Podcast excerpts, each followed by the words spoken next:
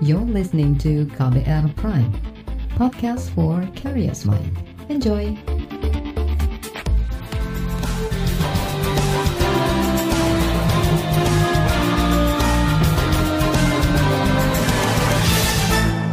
Halo saudara, senang sekali kami bisa menyapa Anda kembali dalam program KBR Sore edisi Rabu 2 Desember 2020. Saya Agus Lukman kembali menemani Anda selama kurang lebih 30 menit ke depan.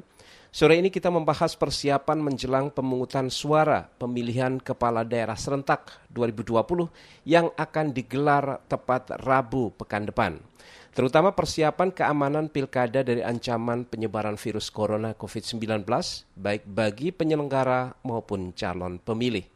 Bagaimana penyelenggara menjamin keamanan dan keselamatan petugas maupun pemilih dari infeksi virus corona saat pemungutan suara berlangsung?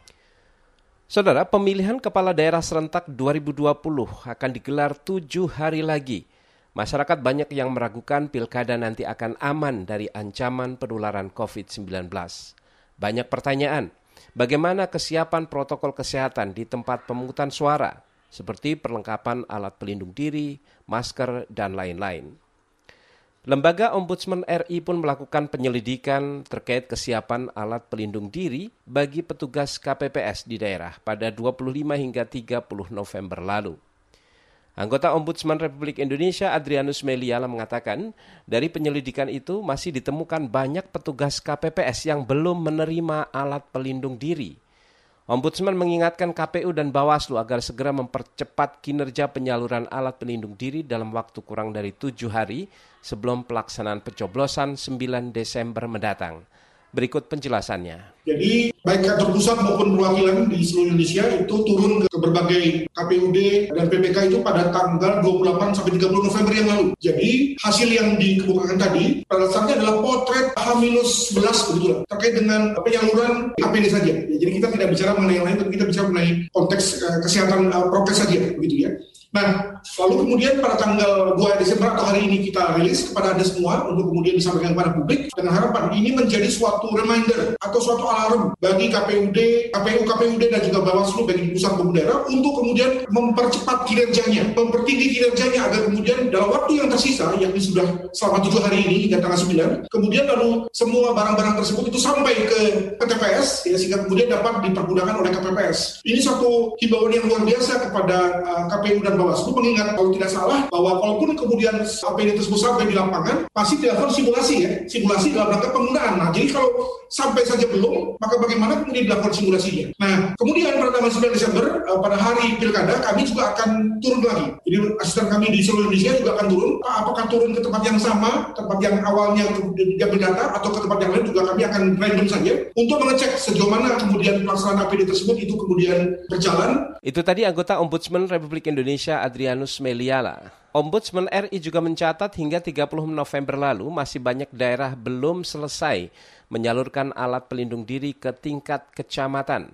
Di sejumlah daerah penyaluran APD ada yang baru 50 persen seperti di Kabupaten Padang Pariaman, Lombok Utara, bahkan di Samarinda dan Ternate baru 20 persen penyalurannya.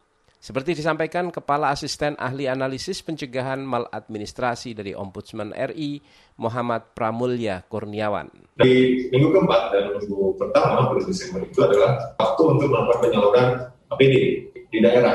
Sehingga kita turun pada saat minggu keempat untuk melakukan proses kesiapan pengembangan APD itu sudah tersalurkan semua atau belum. Ada tiga kategori, alat kesehatan, kemudian ada rumah tangga, barang umum, sekali pakai, sarung tangan dan macam-macam. Nah, itu ini adalah jenis perlengkapan APD yang kita lihat persiapannya di daerah. Dari catatan Ombudsman, ada 20-an KPU tingkat kabupaten kota yang belum menyalurkan alat pelindung diri secara tuntas ke tingkat kecamatan. Teknis untuk pengambilan datanya, kita menghitung persentase jumlah penyaluran perlengkapan APD yang dilakukan KPU ke PPK gitu ya. Dan juga kita menghitung persentase kualitas barang yang diterima oleh PPK. Apakah kondisi baik itu. Nah kemudian agar memenuhi representasi dari jumlah kecamatan dari PPK kecamatan ini, kita ambil 30 persen dari total kecamatan yang ada di setiap kabupaten kota. Baik contoh, kota Surabaya itu ada 30 PPK kecamatan, kita ambil 30 persen jadi 10 PPK. Begitu juga dengan Indramayu, uh, 31 kecamatan total PPK kita ambil 30 persen sehingga ada 10 PPK yang kita selama Nah ini lokasi investigasinya KPU-nya ya KPU Kabupaten Kota yang kita kunjungi gitu yang dibantu rekan-rekan kami di perwakilan total ada 31 KPU Kabupaten Kota. Nah dari 31 ada tujuh KPU Kabupaten Kota yang uh, kita sambangi terkait dengan memproses ke PPK-nya gitu ya. Jadi ada Depok, itu ada tiga PPK yang kita kunjungi, itu 30 persennya ya, ada tiga, uh, dan juga Tangsel, ada Kota Semarang, ada Kota Samarinda, dan pada Pariaman dan juga Indramayu, Kota Surabaya. Nah, Indramayu Surabaya ini yang cukup banyak, ada, ini masing-masing 10 ya, karena total PPK Kota Surabaya maupun Kabupaten Indramayu tadi yang disebutkan di awal ada 30 kecamatan, makanya kita mengambil sampelnya 30 persen sehingga 10 PPK kecamatan yang kita kunjungi atau kita cross check. Hasil investigasinya bahwa uh, bagi KPU yang yang belum menyalurkan SPDK pada PPK itu uh, dari 31 ada 72 persen atau 22 KPU kabupaten kota sedangkan 9 KPU Kabupaten Kota atau 28 persennya itu sudah menyalurkan. Itu tadi Kepala Keasistenan Ahli Analisis Pencegahan Maladministrasi dari Ombudsman RI Muhammad Pramulya Kurniawan. Saudara, pekan depan pilkada serentak akan digelar untuk pemilihan gubernur di 9 provinsi serta pemilihan bupati dan wali kota di 261 daerah di Indonesia. Di bagian berikutnya, saudara kami hadirkan laporan khas KBR berjudul Kesibukan Petugas Penyelenggara Pemilu Menjelang Hari Pencoblosan. Kisahnya hadir susai jeda, tetaplah di KBR Sore. You're listening to KBR Pride, podcast for curious mind. Enjoy!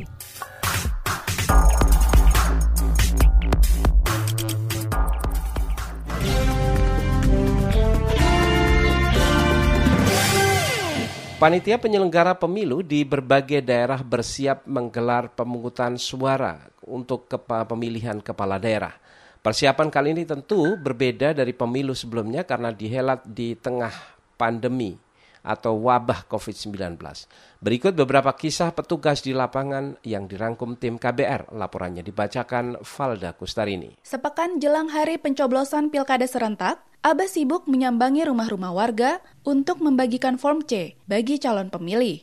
Abbas adalah ketua kelompok penyelenggara pemungutan suara KPPS 6 Kelurahan Pondok Betung, Tangerang, Banten. Abbas dan timnya juga mulai menyosialisasikan tata cara pencoblosan sesuai protokol kesehatan. Guna mencegah kerumunan, warga diminta datang ke TPS berdasarkan jam yang ditentukan kita udah ingetin bawa pulpen, kemudian pakai masker, kemudian jamnya yang paling penting jamnya tuh biar nggak terjadi penumpukan jam kehadirannya itu dikasih waktu cuma satu jam. Jadi mungkin kalau lagi sibuk atau apa dari jauh-jauh hari dari seminggu sebelumnya ini kita udah kasih kita sounding ya kan. Abbas dan seluruh anggota KPPS sudah menjalani tes cepat lima hari lalu. Hasilnya tak ada yang reaktif. Menurutnya, jika ada petugas yang reaktif, maka akan langsung diganti. Pada hari pencoblosan, seluruh petugas wajib mengenakan perlengkapan pelindung diri. Sedangkan warga diharuskan mengenakan masker dan membawa bolpen untuk mengisi daftar hadir. Panitia juga menyediakan bilik khusus bagi pemilih dengan suhu badan di atas 37,3 derajat Celcius datang ukur suhu tubuh, kemudian cuci tangan menggunakan hand sanitizer, kemudian dikasih sarung tangan plastik, kemudian absen kehadiran bawa pulpen masing-masing dari rumah, tuker form C-nya itu dengan kertas coblos, masuk ke bilik TPS, pencoblosan, kemudian tinta, dan memasukkan apa tuh kertas berdasarkan kotak paslonnya itu masing-masing, kemudian masukin jarinya ke tinta, sudah tuh. Dan pintu masuk dan pintu keluar berbeda ya Mbak. Jadi untuk protokol kesehatannya. Pemilih disabilitas dan warga rentan lainnya juga bakal difasilitasi untuk menyalurkan hak pilih. Terus kalau untuk yang disabilitas atau yang nggak bisa jalan, itu nanti kita akan langsung datang ke kediamannya yang bersangkutan, disertai dengan saksi dan linmas seperti itu. Jadi kita jemput bola kalau untuk yang nggak bisa jalan dan itu waktunya mungkin siang, sekitar jam 12-an setelah agak-agak sepi. Abbas yang baru pertama kali menjadi petugas KPPS mengaku tak mengalami kesulitan berarti meski hajatan demokrasi ini digelar di tengah pandemi ia tertarik menjadi panitia dalam rangka regenerasi di kampungnya. dari KPU pusatnya itu seluruh Indonesia ini seluruh daerah itu sekarang dari usianya maksimal 50 tahun. Nah, kebetulan di lingkungan kita ini yang biasa ngurus pilkada atau pemilu dari dulu itu umurnya sudah lebih dari 50 tahun. Kita itu regenerasi aja sih sebenarnya. Jadi biar pemuda-pemuda di lingkungan sini juga bisa tahu gitu loh. Kesibukan persiapan jelang pemungutan suara juga terjadi di Kecamatan Cimanggis, Depok, Jawa Barat. Salah satu anggota KPPS di sana, Ersianti melihat warga tetap antusias mengikuti pilkada meski dibelit pandemi karena kan kemarin uh, sempat kedatangan juga salah, salah satu pasangan dan itu mereka juga antusias datang. Tapi mereka tetap nggak yang rame-rame banget kayak dulu. Mereka masih antusias banget sih untuk pilkada ini. Sedikit sadar sih karena masih pakai masker masih masih sadar lah. Ini bukan pengalaman pertama bagi RC menjadi anggota KPPS. Tahun lalu, ia juga bertugas saat pemilu presiden. Menurutnya, prosedur pencoblosan kali ini berbeda karena harus menerapkan protokol kesehatan. Orang yang mau uh, nyoblos cuci tangan dulu paling itu aja sih dari uh, keamanan uh, ngecek suhu tubuh kalau misalnya udah oke okay, 36,3 kan paling standarnya itu langsung boleh masuk ke panitia KPPS-nya langsung diarahkan ke bilik. Kalau yang suhu tubuhnya di atas 37 itu nanti akan mendapatkan di bilik khusus. Pulang itu wajib cuci tangan dulu pas mereka pulang dalam keadaan udah bersih. Menurut RC, tak ada aturan khusus soal berapa lama pemilih boleh menunggu di TPS. Para pemilih hanya diimbau menjaga jarak aman dan memakai masker belum ada arahannya sih, belum ada omongan-omongan di grup. Mungkin kalau misalnya dikatakan cukup, kalau KPU menyediakan masker. Jadi kalau misalnya ada yang nggak bawa masker, kan kadang orang bukan nggak mau pakai, eh, tapi karena mereka nggak punya masker. Jadi kita sediain masker biar mereka juga milih berpartisipasi pemilu. Jadi nggak yang alasan dia nggak ada masker, dia nggak bisa milih, disuruh pulang gitu kan, sayang. RC mulanya ragu menjadi anggota KPPS di tengah pandemi. Namun, ia menepis kekhawatiran tertular virus corona dengan memproteksi diri sesuai protokol kesehatan. Kalau dari uh, omongan grup sih cuman pakai masker, pakai nanti ada face shield sama baju seragam sih, seragam barang-barang gitu aja. Biar fitnya sih saya pertamanya sih sarapan dan pasti emang harus megang sarung tangan karena saya sendiri orangnya panoan juga sih bener kalau lihat orang rame-rame gitu Parno tapi pengen aktif dalam kegiatan KPPS kayak gini. Demikian laporan tim KBR, saya Valda Kustarini. Di bagian berikutnya, saudara kita simak penjelasan dari Komisi Pemilihan Umum KPU mengenai kesiapan protokol kesehatan untuk pelaksanaan pilkada serentak 9 Desember pekan depan. Informasinya kami hadirkan sesaat lagi, tetaplah di KBR Sore. You're listening to KBR Pride, podcast for curious mind. Enjoy!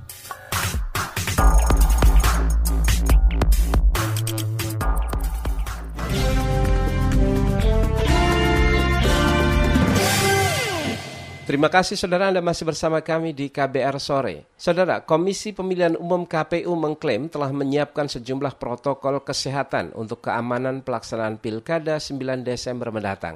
Seluruh alat untuk sarana protokol kesehatan, termasuk alat pelindung diri bagi, petugas, juga sudah atau sedang didistribusikan. Berikut penjelasan Deputi Bidang Dukungan Teknis KPU, Eberta Kawima penyampaian atau pengiriman alat pelindung diri yang nanti akan digunakan oleh petugas kami di TPS yang semuanya nanti akan menggunakan alat pelindung diri ya. Meskipun tidak lengkap sebagaimana eh, dokter dan perawat yang berada di rumah sakit tapi berdasarkan hasil pertemuan dengan eh, DPR ya dengan pemerintah dalam hal ini Kementerian Dalam Negeri maka eh, petugas kami di TPS yang bernama KPPS tersebut itu akan diberi alat pelindung diri tiga macam. Yang pertama adalah face shield, yang kedua adalah uh, masker, ya, terus yang ketiga adalah sarung tangan. Jadi hanya tiga alat pelindung diri saja. Jadi bukan alat pelindung diri lengkap. Satu uh, hal apabila terjadi hal-hal yang tidak diinginkan nanti pada saat proses pemungutan dan penghitungan suara, itu baru nanti ada salah satu petugas kami atau dua orang dari petugas kami di TPS itu diberi kelengkapan baju hazmat ya untuk menolong atau membantu bila mana ada pemilih yang kebetulan uh, ada uh, kendala teknis ya terkait dengan kesehatan dan tentu saja uh, tidak dilaksanakan sendiri tapi mendapatkan bantuan dari petugas medis yang berada di TPS uh, tersebut. Deputi Bidang Dukungan Teknis dari KPU, Eberta Kawima, tidak memungkiri ada sejumlah kendala dalam penyaluran peralatan protokol kesehatan ke daerah. Namun ia memastikan semuanya masih bisa diatasi. Baik ada APD-nya pun tidak ada APD, sebetulnya persoalan logistik ini rumit kadang ada barang itu dikirim Hamin dua baru uh, dikirim itu juga bisa saja terjadi. Yang penting nanti prinsipnya pada tanggal 9 Desember barang-barang yang dibutuhkan untuk uh, keselamatan dan kesehatan masyarakat ini sudah ada di sana.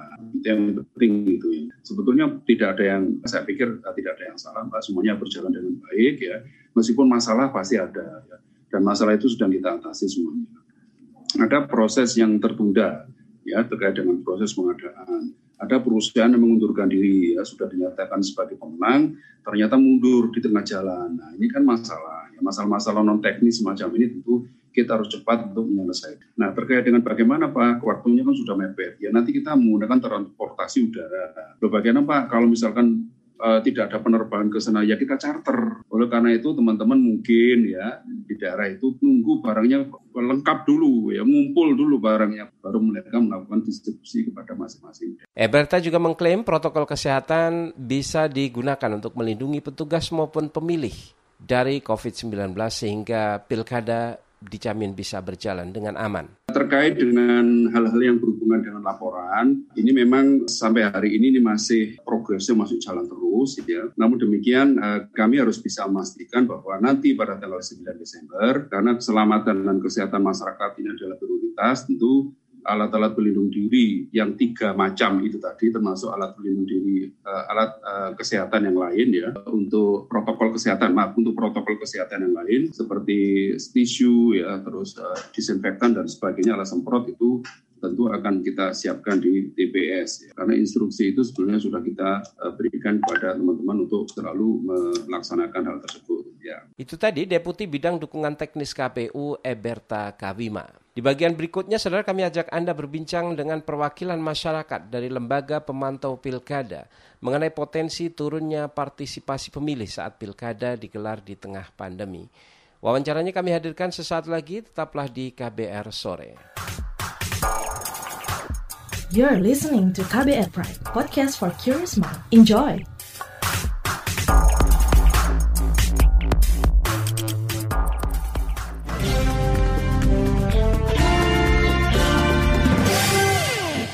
Anda masih mendengarkan KBR Sore. Saudara, jaringan pendidikan pemilih untuk rakyat JPPR mendorong penyelenggara pilkada untuk memasifkan lagi sosialisasi tentang pentingnya partisipasi publik pada tujuh hari menjelang pilkada serentak digelar.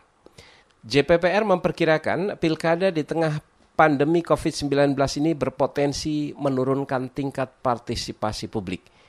Ini juga terlihat di sejumlah negara yang juga menyelenggarakan pemilu di masa pandemi. JPPR juga mendesak penyelenggara pemilu untuk meyakinkan pemilih bahwa mitigasi atau pencegahan penularan COVID-19 sudah, sudah dilaksanakan dan menindak tegas para pelanggar protokol kesehatan. Berikut Petikan perbincangan jurnalis KBR Mutia Kusuma dengan Koordinator Nasional JPPR Alwan Ola Riantobi. Bagaimana penilaian Anda terhadap kesiapan penyelenggara pemilu untuk memastikan mitigasi penularan virus COVID-19 saat hari H pencoblosan dan penghitungan suara? Kalau melihat kesiapan memang kita melihat pada dua hal. Kalau yang pertama adalah kesiapan teknis penyelenggara dalam hal menyiapkan logistik-logistik proses pelaksanaan. Ini pun juga dia mengalami satu problem. JPPR memprediksi atau memberikan satu isu krusial bahwa uh, jenis logistik yang kemungkinan bisa menjadi terlambat adalah soal APD. Karena APD adalah bagian dari logistik, kita tahu bahwa berjalannya pilkada harus sesuai dengan protokol kesehatan, maka jangan sampai tahapan hari H pungut hitung itu sudah siap, tapi APD-nya tidak ada. Apakah sepekan menjelang pencoblosan sudah ada pengaduan soal kelengkapan APD untuk penyelenggara pemilu? Saat ini JPPR kan sudah melakukan pemantauan atau survei kecil-kecilan atau riset ya. kecil-kecilan terkait dengan ketersediaan APD apakah dia sudah nyampe pada level kecamatan atau belum. Karena ini kan tinggal berapa hari lagi nih menuju 9 Desember. Karena kita memang nanti di hari H, di masa tenang, di masa tenang itu baru kita mempublikasikan berapa daerah yang kemudian masih mengalami keterlambatan soal APD. Mengingat di sejumlah daerah ada beberapa calon kepala daerah yang terkena corona. Hal itu kan ditenggarai hmm. akibat sulitnya menjaga protokol kesehatan saat pencalonan. Bagaimana evaluasi Anda terhadap pelaksanaan protokol kesehatan saat pencalonan yang bisa jadi perbaikan saat pencoblosan nanti? Evaluasinya adalah tahapan kampanye itu banyak sekali pelanggaran soal protokol kesehatan, tetapi tidak ada penindakan bagi orang atau peserta atau tim kampanye atau pasangan calon yang melanggar protokol kesehatan. Ini soal kelemahan regulasi. Jadi uh, terakhir dari bulan September, Oktober, November saja, itu JBPR hampir menemukan 875 dugaan pelanggaran protokol kesehatan. Tetapi tidak ada penindakan satupun. Nah, ini yang kita kritik juga kepada Bawaslu. Kalau catatan dari Anda seperti apa soal partisipasi publik ini? Analisis kita memang tantangannya pada wilayah partisipasi publik dalam hal ini adalah keterlibatan langsung masyarakat pemilih dan kedua adalah keterlibatan langsung masyarakat pemilih dalam penggunaan hak pilih yaitu datang ke TPS.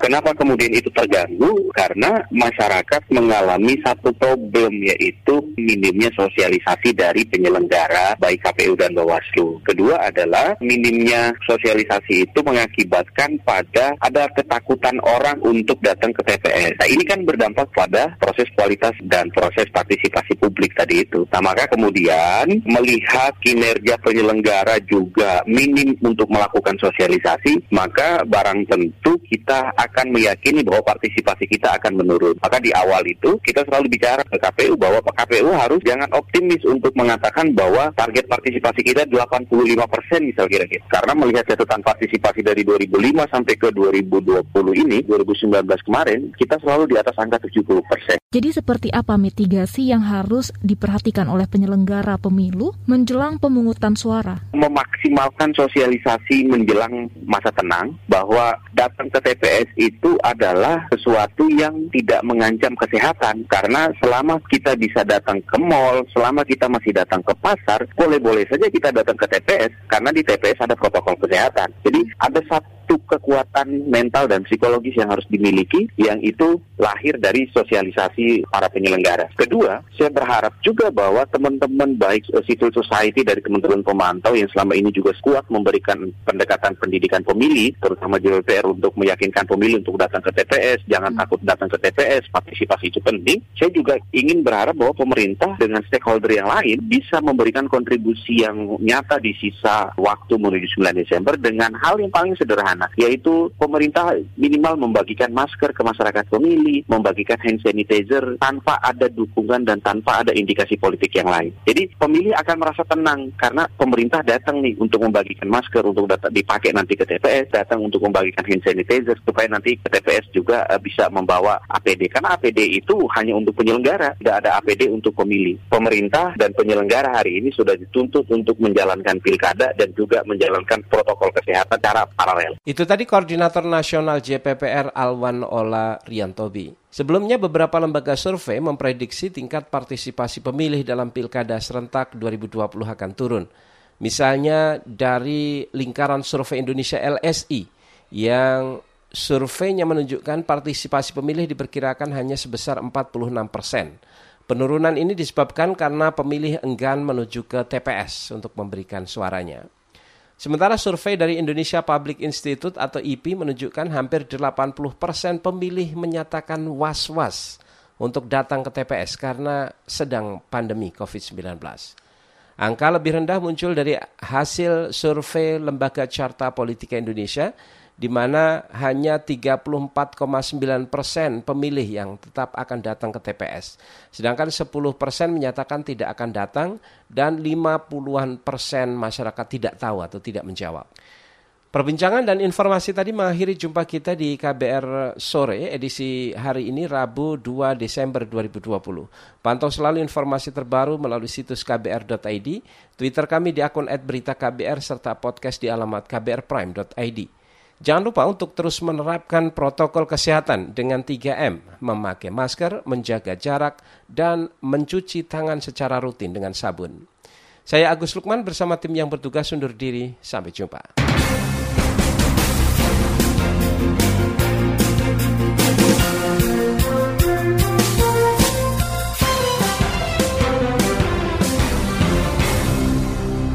KBR Prime, cara asik mendengar berita.